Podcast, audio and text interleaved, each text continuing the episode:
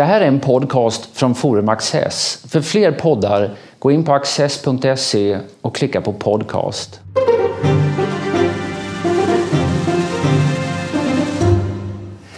Ja, hjärtligt välkomna till säsongens första Studio Access. Först ut bland gästerna denna vår är Gunnar Strömer, partisekreterare i Moderaterna. Varmt välkommen. Tack så mycket. Vi har intensiva månader bakom oss. Det har regeringsförhandlat. Nu finns det en eh, överenskommelse, januariöverenskommelsen eller JÖKen gemenligen kallad. Mm. Det finns eh, en regering till och med. Mm. Det här är mycket tröskat i våra medier på andra håll så vi kanske inte ska uppehålla oss för mycket vid detta. Men om du ska göra någon liksom sammantagen reflektion över hela den här processen, vad, vad säger du då? Ja, eh, i grund och botten så eh, blev det ett väldigt jämnt valresultat. Om man nu tittar på de traditionella blocken, eh, de landar båda på en, en dryga 40 procent vardera och så skiljer det ett mandat åt. Ehm, och det visar sig att den eh, mandatmatematiken kommer att bli avgörande för, för utgången. Ehm, Eh, från moderat håll har vi varit väldigt tydliga med hela tiden att vi, vi vill bilda en borgerlig regering och pröva förtroendet för en sån regering i parlamentet. Också i ett sånt här parlamentariskt läge och att den exakta mandatmatematiken mellan de traditionella blocken inte är avgörande i det hänseendet. Och eh, det torgförde vi tidigt eh, och när det inte var så att vi kunde få Socialdemokraternas stöd för att bilda en fyrpartialliansregering Eh, kanske inte helt överraskande, men i alla fall. Eh, då ville vi ändå att alla fyra skulle ställa sig upp i kammaren och pröva sitt förtroende. Eh, och när Centerpartiet och Liberalerna inte ville det, då med hänvisning till den här mandatmatematiken, det var då vi sa att så många allianspartier som vill och kan så mycket allianspolitik som möjligt och på alliansens villkor. Det blev vårt bud kan man säga. Och där, där stod vi fast under hösten och när det kommer till kritan så väljer Centerpartiet och Liberalerna att, eh, eh, att bli stödpartier till en vänsterregering bestående av Socialdemokraterna och Miljöpartiet. Där, eh, där står vi och vi får se naturligtvis hur det långsiktigt kommer påverka förutsättningarna för svensk politik. Men det stora enskilt viktigaste beslutet är ju så att är det enligt ditt sätt att se då att C och L till syvende och sist väljer att gå till vänster istället för till höger? Ja, det tycker jag. Därför att det är ändå det som... Jag kan respektera att man, man kan göra möjligen olika bedömningar om sin egen möjlighet att ingå i en regering beroende på vad man har sagt och inte sagt före ett val. Men att det skulle vara omöjligt för oss att få till stånd en borgerlig regering i nära samverkan med de borgerliga partier som av olika skäl inte vill eller upplever sig kunna sitta med i en regering, det trodde jag ändå skulle vara möjligt. Eh, och jag tycker också under höstens gång så har det funnits goda skäl att tro att vi skulle kunna landa där. Eh, det är klart att eh, när två partier väljer att istället så att säga, förhandla med Socialdemokraterna och göra sig så att säga, till stödpartier. Det är både ett budgetsamarbete och ett väldigt långtgående politiskt samarbete i övrigt. Så det är klart att det är, ett, det är det avgörande beslutet som ju ändå gör att det blir en socialdemokratisk ledd regering och inte en moderatledd regering. För snart 50 år sedan så skrev eh, poeten, socialisten Karl Wemberg eh, en dikt med rader som har blivit mycket citerade där han säger Låt oss gå rakt på sak. 70-talets utfall kan bero av hur vänstern förstår att hantera sin besvikelse. Kommer 2020-talet bero av hur högern hanterar sin besvikelse? Till att börja med så vet jag inte om besvikelse är en riktig beskrivning av högerns så att säga, sinnesstämning. Eh, om man vänder på steken och tittar på Sverige så att säga, mer underifrån, kommuner och regioner, så har vi haft en formidabel framgångsvåg både för Moderaterna och för allianspartierna i den bemärkelsen. Jag tror det finns ett enda framförhandlat rödgrönt styre eh, i landets regioner, det är Västerbotten. En formlig blå våg eh, kan man säga svept över regionerna i Sverige. Moderaterna är idag med och styr över 160 kommuner. Eh, där finns inte ett, ett uns av besvikelse utan tvärtom en, en, en frustande entusiasm inför att nu förvalta det förtroende som man har fått av medborgarna. När det gäller den nationella politiken så skulle jag snarare säga att eh, frustration kanske en riktigare beskrivning än besvikelse. Alltså en förlorad möjlighet att få till stånd en borgerlig regering som driver borgerlig politik över hela linjen. Så det kanske då blir avgörande hur, hur, hanterar hur man hanterar frustrationen. frustrationen. Ja. Och då uppfattar jag ändå att Eh, den här frustrationen omfattar ju förstås många som är med Moderaterna och Kristdemokraterna som nu ville bilda regering, men också väldigt många Alltså borgerligheten är ju till och med större än Moderaterna och Kristdemokraterna. Dels finns det många personer i alla borgerliga partier och borgerligheten är också större än de fyra borgerliga partierna. Det, är liksom, det finns i näringsliv och samhällsliv och i övrigt. Eh, där uppfattar jag att eh, tongångarna är väldigt konstruktiva. Att det här innebär naturligtvis ett nytt landskap som inte är helt lätt navigerat. Eh, trots allt så är det ganska många år sedan som vi hade ett samarbete av den här magnituden mellan borgerliga partier och Socialdemokraterna. Samtidigt är det förstås ett läge fyllt av möjligheter och för Moderaternas del eh, Lika tråkigt är att Alliansens fyra partier inte samverkar nära på det sätt som vi gjort bakåt under den här mandatperioden. Likafullt lika fullt innebär det förstås också möjligheter att nu vara sin egen och kunna fokusera också på sin egen sitt eget partis utveckling. Eh, eh, och det tycker jag att alla krafter som jag i alla fall kan överblicka gör i en väldigt konstruktiv anda. Fram till, framåt hösten i år mm. så är det 15 år sedan Alliansen bildades. Mm. Blir det någon jubileumsfirande? Det är ju en berättigad fråga som det heter. Finalen har naturligtvis möjligen gått lite mer i moll. Men till att börja med tycker jag det är några saker man måste ändå eh, tycker jag, säga för att kvalificera den här beskrivningen lite. Det första är att borgerlig samverkan har ju en äldre årgång än Alliansen så som vi har känt den de senaste 15 åren. Vi har ju ändå eh, haft regeringsskiften före här i landet, 70 80-tal, början av 90-talet och sen då Alliansens ändå åtta år vid makten. Eh, så det är liksom ändå det första. Det finns liksom borgerlig samverkan har en längre historia och Moderaterna har varit en konstruktiv kraft för att åstadkomma denna borgerliga samverkan under väldigt lång tid och vill fortsätta vara det.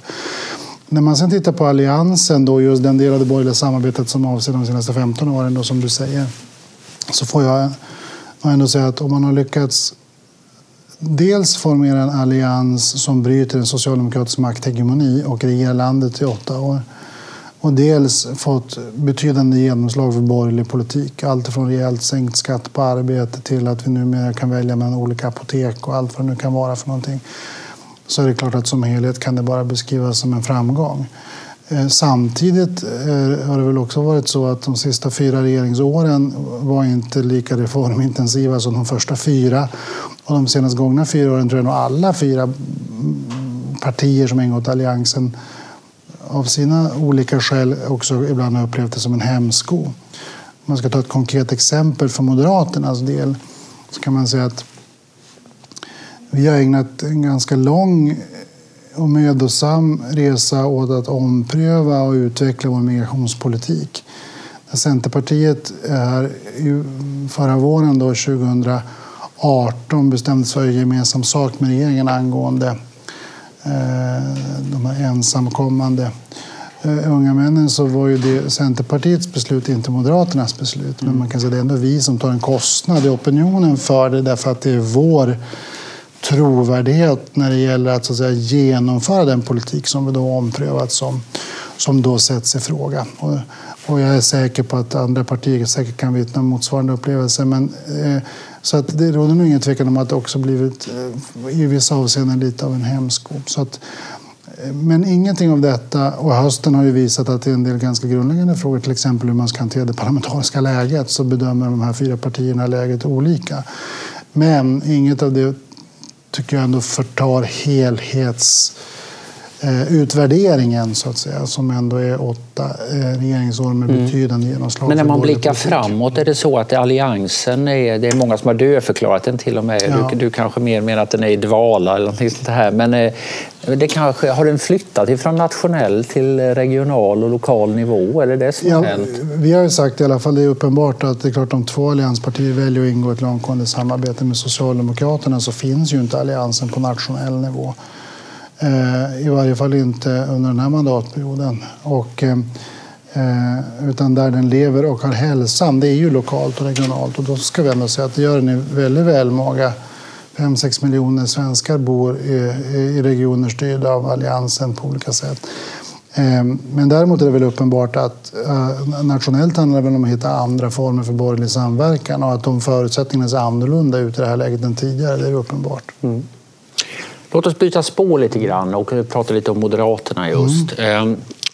Eh, det, det, finns ju en hel eh, genre kan man säga av kommentatorer och analyser som talar om Socialdemokraternas eh, problem. I, inte bara i Sverige, där, där klarar de sig väl ganska bra relativt sett, utan ute i Europa också där de klappar ihop helt och hållet på sina håll. Det talas mindre om ett spegelfenomen som är de stora ja, borgerliga partiernas problem. Eh, och det finns många håll där det går ungefär likadant för dem. Så att säga. Hur är det med det här att vara ett borgerligt folkparti? Man säger? Alltså inte som Folkpartiet, men ett brett borgerligt parti. Är det, har de någon framtid för sig längre? Eh, eller har breda folkpartier överhuvudtaget någon framtid för sig? Så sent som 2010 fick S och M över 60 procent tillsammans. Och nu senast så blev det under 50 för första gången. Ni har inte majoritet tillsammans i riksdagen för första gången på mycket, mycket länge. Ehm, hur ser du på det där? Ja, men det är väl uppenbart för var och en att politiken har blivit mer fragmentiserad. Alltså fler partier och också fler större partier som konkurrerar om väljarnas gunst. Eh, och, eh, och det är klart att det är en väldig skillnad om man jämför 2006 då Sverigedemokraterna inte satt i riksdagen och den mandatperiod som vi nu har framför oss där de eh, sitter på vad det 17-18 procent eller något liknande. Det är klart att det är en ganska betydande andel av välja, väljarkåren. Eh, samtidigt, om man, ser, om man drar ut tidslinjerna lite grann. Eh, Moderaterna landade nu runt 20 procent. Det är Moderaternas historiska snitt. Det är, det är den an, väljarandel som Moderaterna hade slutet på 80-talet och slutet på 90-talet och eh, nu också eh, här så att säga i, mm. i slutet av 2010-talet. Ja. Ja. Medan Socialdemokraterna hade väl runt 45 valet 94 och mm. nu en bit, under, en bit under 30. Så egentligen kan man säga att om man drar ut det här över ett antal decennier så kan man väl det stora är att SD har vuxit, alltså det först kommit in och sen vuxit eh, till dagens nivå, att Socialdemokraterna i motsvarande mån har minskat. Nå, inget av detta hindrar ju, det är klart att även Moderaterna har en konkurrenssituation som är är så att säga annorlunda än vad den var för 10 eller 15 år sedan. Och det finns väl inga naturlagar, tycker jag, som, tror jag mig vet i alla fall, som eh, bestämmer att det ska gå åt ena eller andra hållet. Eh, om vi tittar på eh, exempelvis Norge, eh, för att ta ett exempel, kan man väl säga att där var eh, Höjre, alltså vår motsvarighet, nere och vände på ganska beskedliga nivåer och tillbaka ändå som ett brett ett, ett brett folkligt center-right eller borgerligt eh, parti. Några procentenheter över det valresultat som Moderaterna nu hade i senaste valet. Jag skulle säga att eh, ingenting är ödesbestämt. Vi har i hög grad i egna händer. Eh, och vår ambition eh, och övertygelse också att det är möjligt det är att, det är att se till att Moderaterna både så att säga, etablerar sig eller ska vi säga ehm, ehm, bekräftar dagens nivå och sen också kan växa. Jag tror att om man vill ha borgerlig eh, politik och borgerlig regering i det här landet så är det väldigt viktigt att Moderaterna är starkt. Och, och, vi tar ingenting för givet, men vi har gott hopp om att det är möjligt att uppnå. Om man ser liksom fragmentisering mm. som en stark eh, mm. tendens. Och liksom man, ja, man kan jämföra med affärslivet. Liksom mm. Varuhusen har problem och folk söker sig till specialbutiker i, i, istället. Det är svårt att hålla det breda mm. sortimentet. Ehm, man kan ju dra två slutsatser här möjligen. Antingen skärper man sin idéprofil mm. eller så gör man vad man kan för att sudda ut den så att man blir attraktiv verkligen bokstavligen för alla. Det var ju lite grann detta nya Moderaterna innebar. Ehm, hur tänker du kring detta? Liksom det här att ha idéer.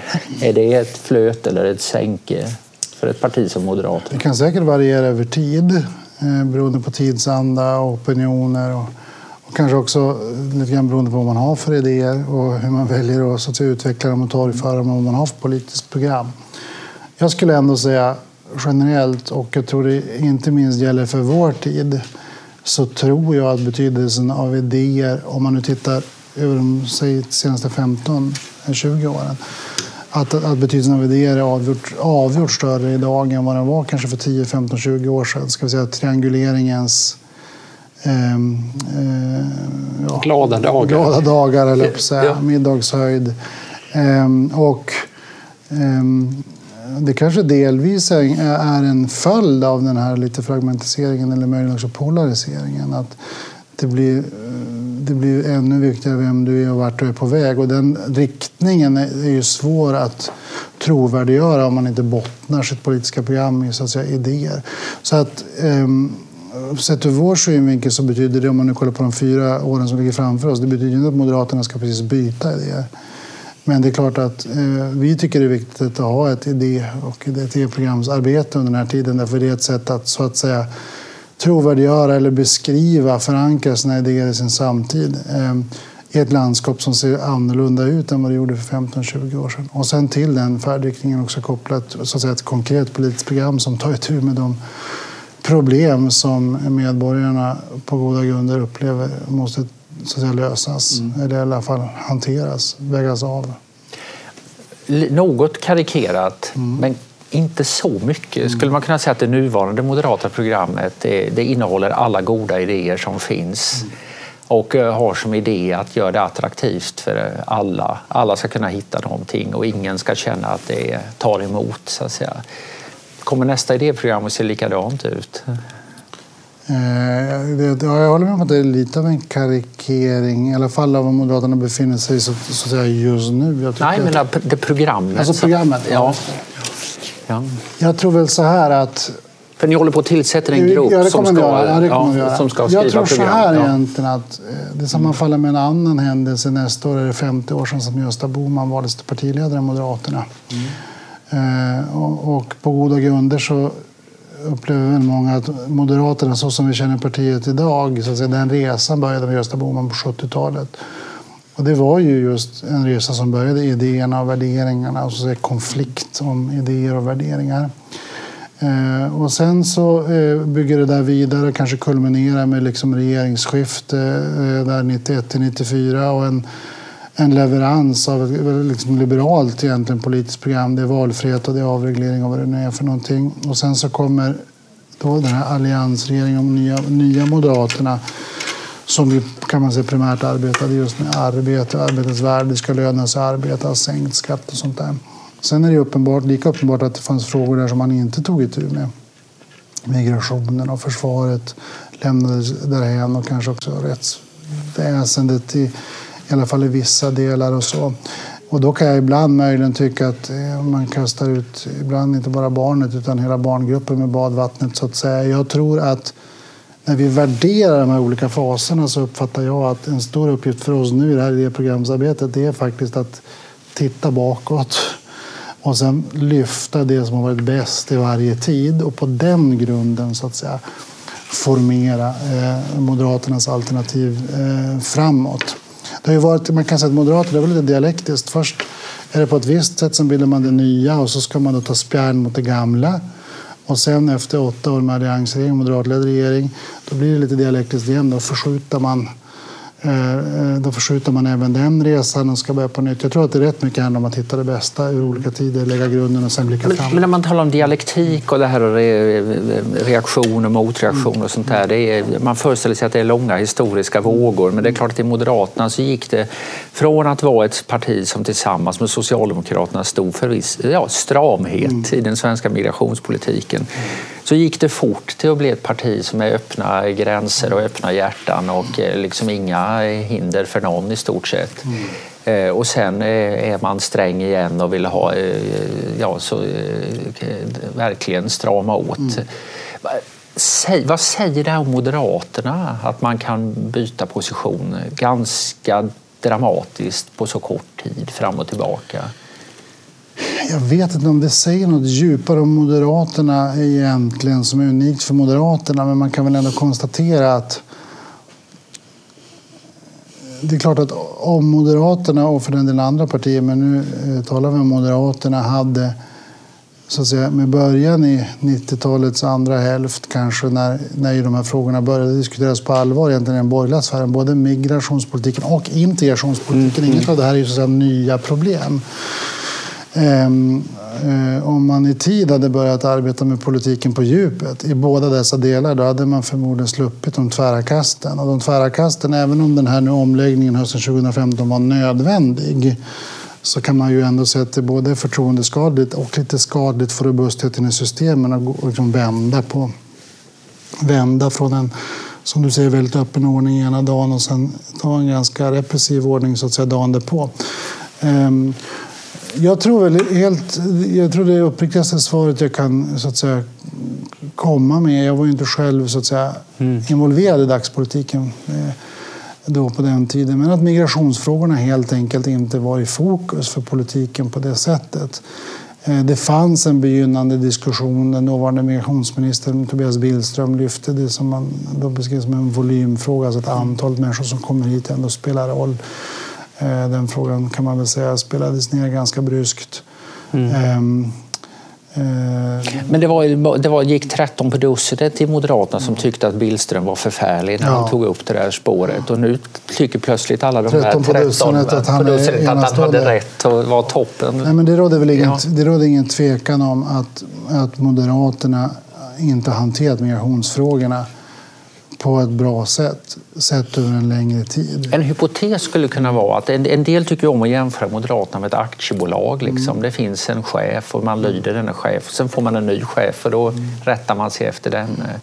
Det skulle ju förklara det här. Man går från en partiledare med en viss uppfattning till en partiledare med en annan och då eh, följer hela det är Utan att helt med. underkänna den logiken. Jag tror väl i och för sig att varje ledning sätter sin prägel. Och så länge helheten går bra så har man förtroende för det och lever också med delar av helheten där man kanske har andra uppfattningar. Men ähm, det är egentligen två olika frågor. Dels, ibland uppfattar jag faktiskt inte att Moderaterna är så toppstyrt som eh, man kan uppfatta Moderaterna. Eh, I Moderaterna är så säga, våra kommunala och regionala företrädare väldigt starka. Så det är, det är ett slags förbund ändå mellan självständiga aktörer. Men när det gäller just... Det kanske är riksdagsgruppen som är toppstyrd? ja, så kan det vara. Ja. Eller i för liten utsträckning ibland, jag vet inte. Men hur, hur det nu är med den saken så var och en kan säga att Moderaternas resa är väl lite Sveriges resa när det gäller de här frågorna. Det har varit ett... Om vi som parti och som land i tid hade tagit itu dels med ska säga, migrationspolitiken, alltså den del av politiken som avgör villkoren för vem som ska få stanna och inte i Sverige. Så att de regelverken hade mer harmonierat med motsvarande regelverk i andra länder. Och om vi också hade tagit itu med integrationen på djupet eh, i ett tidigare skede. Då hade vi dels sluppit slagen i migrationspolitiken och vi hade varit i ett avsevärt bättre läge när det gäller så att säga, förutsättningarna att mm. få människor i arbete, att eh, göra människor överhuvudtaget anställningsbara, eh, ta itu med andra delar där det finns liksom problem, hederskultur eller, eller brottslighet eller vad det nu kan vara för någonting. Så att, mm. det är en, en, en lite något anknytande fråga. Man kan ju säga att kulturfrågor mm. i bred mening verkar vara på väg att bli viktigare. I, eh, de tar i alla fall mycket mer plats mm. i, det, i den allmänna debatten. Det kan vara ja, det är invandrings och migrationsfrågor, det är frågor om nation och religion, det är frågor om eh, kulturpolitiken och public service och sånt här. Mm. I, en, I, vissa länder, som i Danmark till exempel, har det här varit det, det, det verkligt stora slagfältet i inrikespolitiken. I Sverige har ju borgerligheten, och inklusive Moderaterna, i, i allt väsentligt liksom accepterat den kulturradikala agendan i de här eh, frågorna. Kommer det att fortsätta vara på det sättet? Ja, det är en, en, en bra fråga. Jag skulle säga så här att Å ena sidan så tror jag det är en riktig beskrivning att säga att de borgerliga partierna ägnat i alla fall en del av de här frågorna för liten uppmärksamhet. Eh, dels därför att det är frågor som är så att säga, viktiga och påverkar samhällsutvecklingen och påverkar så att säga, människors vardag. Eh, och det är skäl nog. Och dels därför att andra är väldigt intresserade av frågorna.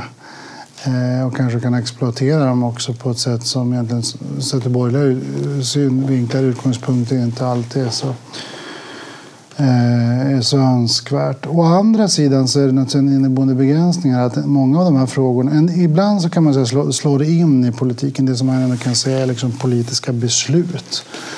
Ja, men du nämnde ja, men villkoren för eh, public service eller, eller ehm, Eh, när det slår in. Museipolitik. Precis, museipolitik. Eller, ja. eller ska, ska, vi, ska vi lagstiftningsvägen liksom få genomslag för kvotering i antagning till universitet eller till statliga mm. tjänster? Mm. Eller, där, kan jag, där, tycker jag, där tycker jag, när det så att säga slår in på politikens domäner, då tycker jag att det är rätt och riktigt att borgerliga partier och Moderaterna tar mer plats. Sen kan man säga att andra delar tycker jag ändå är lite inte är lika givna. Man kan säga så här, sett ur moderat synvinkel eller borgerlig synvinkel har det väldigt viktigt att stå upp för till exempel universitetens autonomi. Det vill säga att de ska vara fria från politisk inblandning och politisk styrning.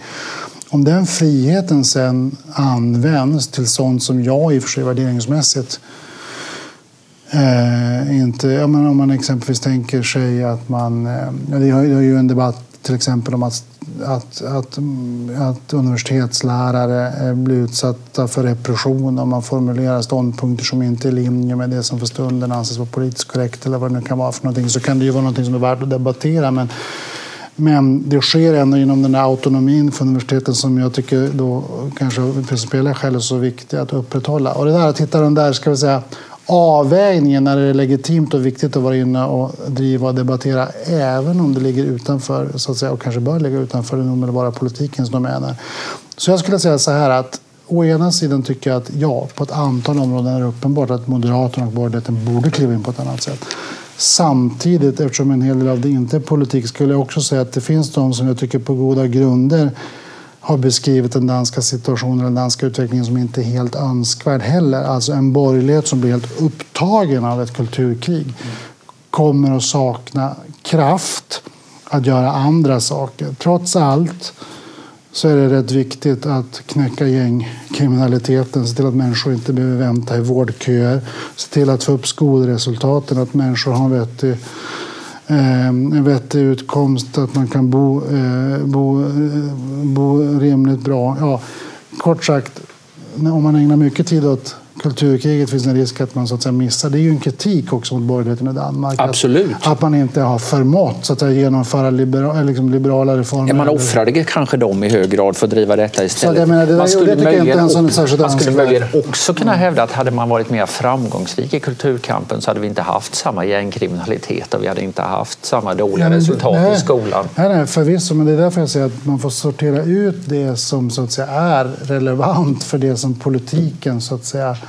ska ägna sig åt och, eh, och, eh, och, och, lösa. Och jag tror mm. att gör man det med omdöme ska man nog så att säga klara både och.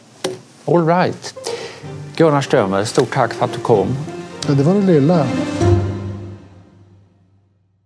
Och här kommer några extra minuter med mig och min gäst. Nu ser jag att klockan löper här som alltid när man har intressanta diskussioner. Nu, nu får du en minut eh, eh, på dig att tala om om det finns något konservativt block i svensk politik.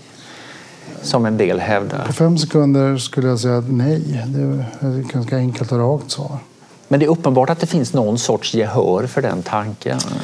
Ja, man kan säga att det är uppenbart i alla fall att det finns de som gärna vill att det ska finnas gehör för den tanken eh, och inte alltid nödvändigtvis av nobla skäl. Mm. Alltså, Sverigedemokraterna har förstås ett intresse av att etablera den tanken. Därför dels skulle det så att säga innebära att de släpps in i värmen och i någon slags gemenskap som de inte är en del av idag. Eh, och de vet också att det är ett sätt att splittra så att säga, borgerligheten. Eh, och det är klart att det tjänar deras långsiktiga syften. Å andra sidan så kan man säga att Socialdemokraterna har ju också begripit att deras chans att, så att säga, sitta kvar vid makten det är att bryta upp den här borgerliga gemenskapen. Och då blir den här tankefiguren om så det konservativa blocket det blir ett ganska så att säga, verkningsfullt verktyg för att åstadkomma det. Och vad är ert motdrag? Motdraget, jag skulle vilja säga så här då att eh, för, återigen, nu är ju Moderaterna i ett läge då där vi är ganska fria. och där vi framförallt kommer att fokusera på Moderaterna och Moderaternas uppgift så att säga, i svensk politik. Ehm, jag tycker det är ändå naturligt att börja med de relationer man har. Och nu får vi då säga att två av partierna, här, Centerpartiet och Liberalerna, har valt att gå en annan väg Eh, under den här mandatperioden. Eh, då får vi hitta andra former för borgerlig samverkan.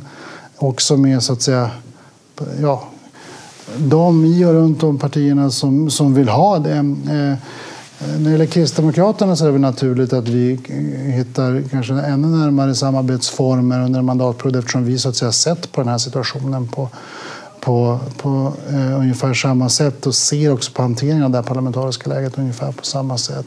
Mm. Jag måste också bara fråga här att det har varit stort hallå eh, om, om eh, att det har bildats någon sorts förening inom socialdemokratin som heter Reformisterna. Mm. Man får nästan såna här vibbar som det var förr i tiden när radion skickade massor med folk och som satt hela dagarna på Folkets hus där det var partikongress och allt socialdemokratiskt inre liv var en eh, nationell angelägenhet. Så där. Ja, det är en aspekt av det. Det andra är liksom fenomenet med det här att man försöker stimulera en intern eh, debatt genom den här sortens eh, grepp. Skulle man, någon som ville bilda motsvarigheten, de skulle kunna heta Reformisterna inom Moderaterna också antar jag, skulle de få göra det? I princip så eh, säger jag ja eh, på det. Alltså Moderaterna, om man nu ska vara det här breda folkpartiet som eh, i nuläget omfattar en femtedel av väljarkåren och helst ska växa så är det klart att det ligger i sakens natur att inom ett sådant parti måste det finnas en bredd av åsikter och, prioriteringar. Och, eh, om det ska ske liksom genom föreningsbildningar alla reformisterna SD vet jag inte, men vad jag i alla fall kan säga att att det där berömda taket, det finns eh, goda skäl att försöka höja det, särskilt i, i det läge som Moderaterna befinner sig i nu.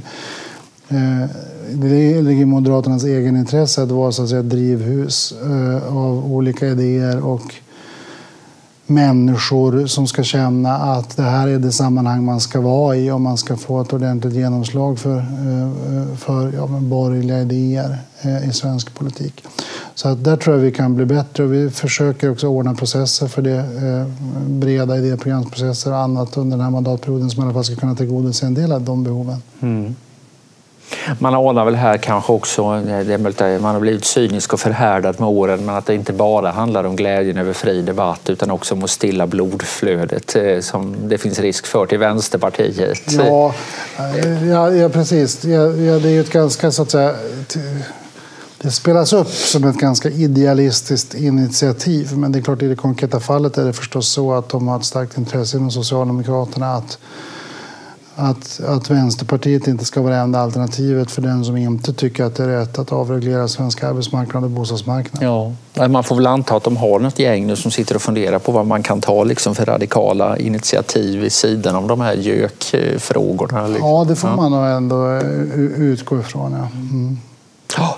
Stort tack, Gunnar. Det var det lilla.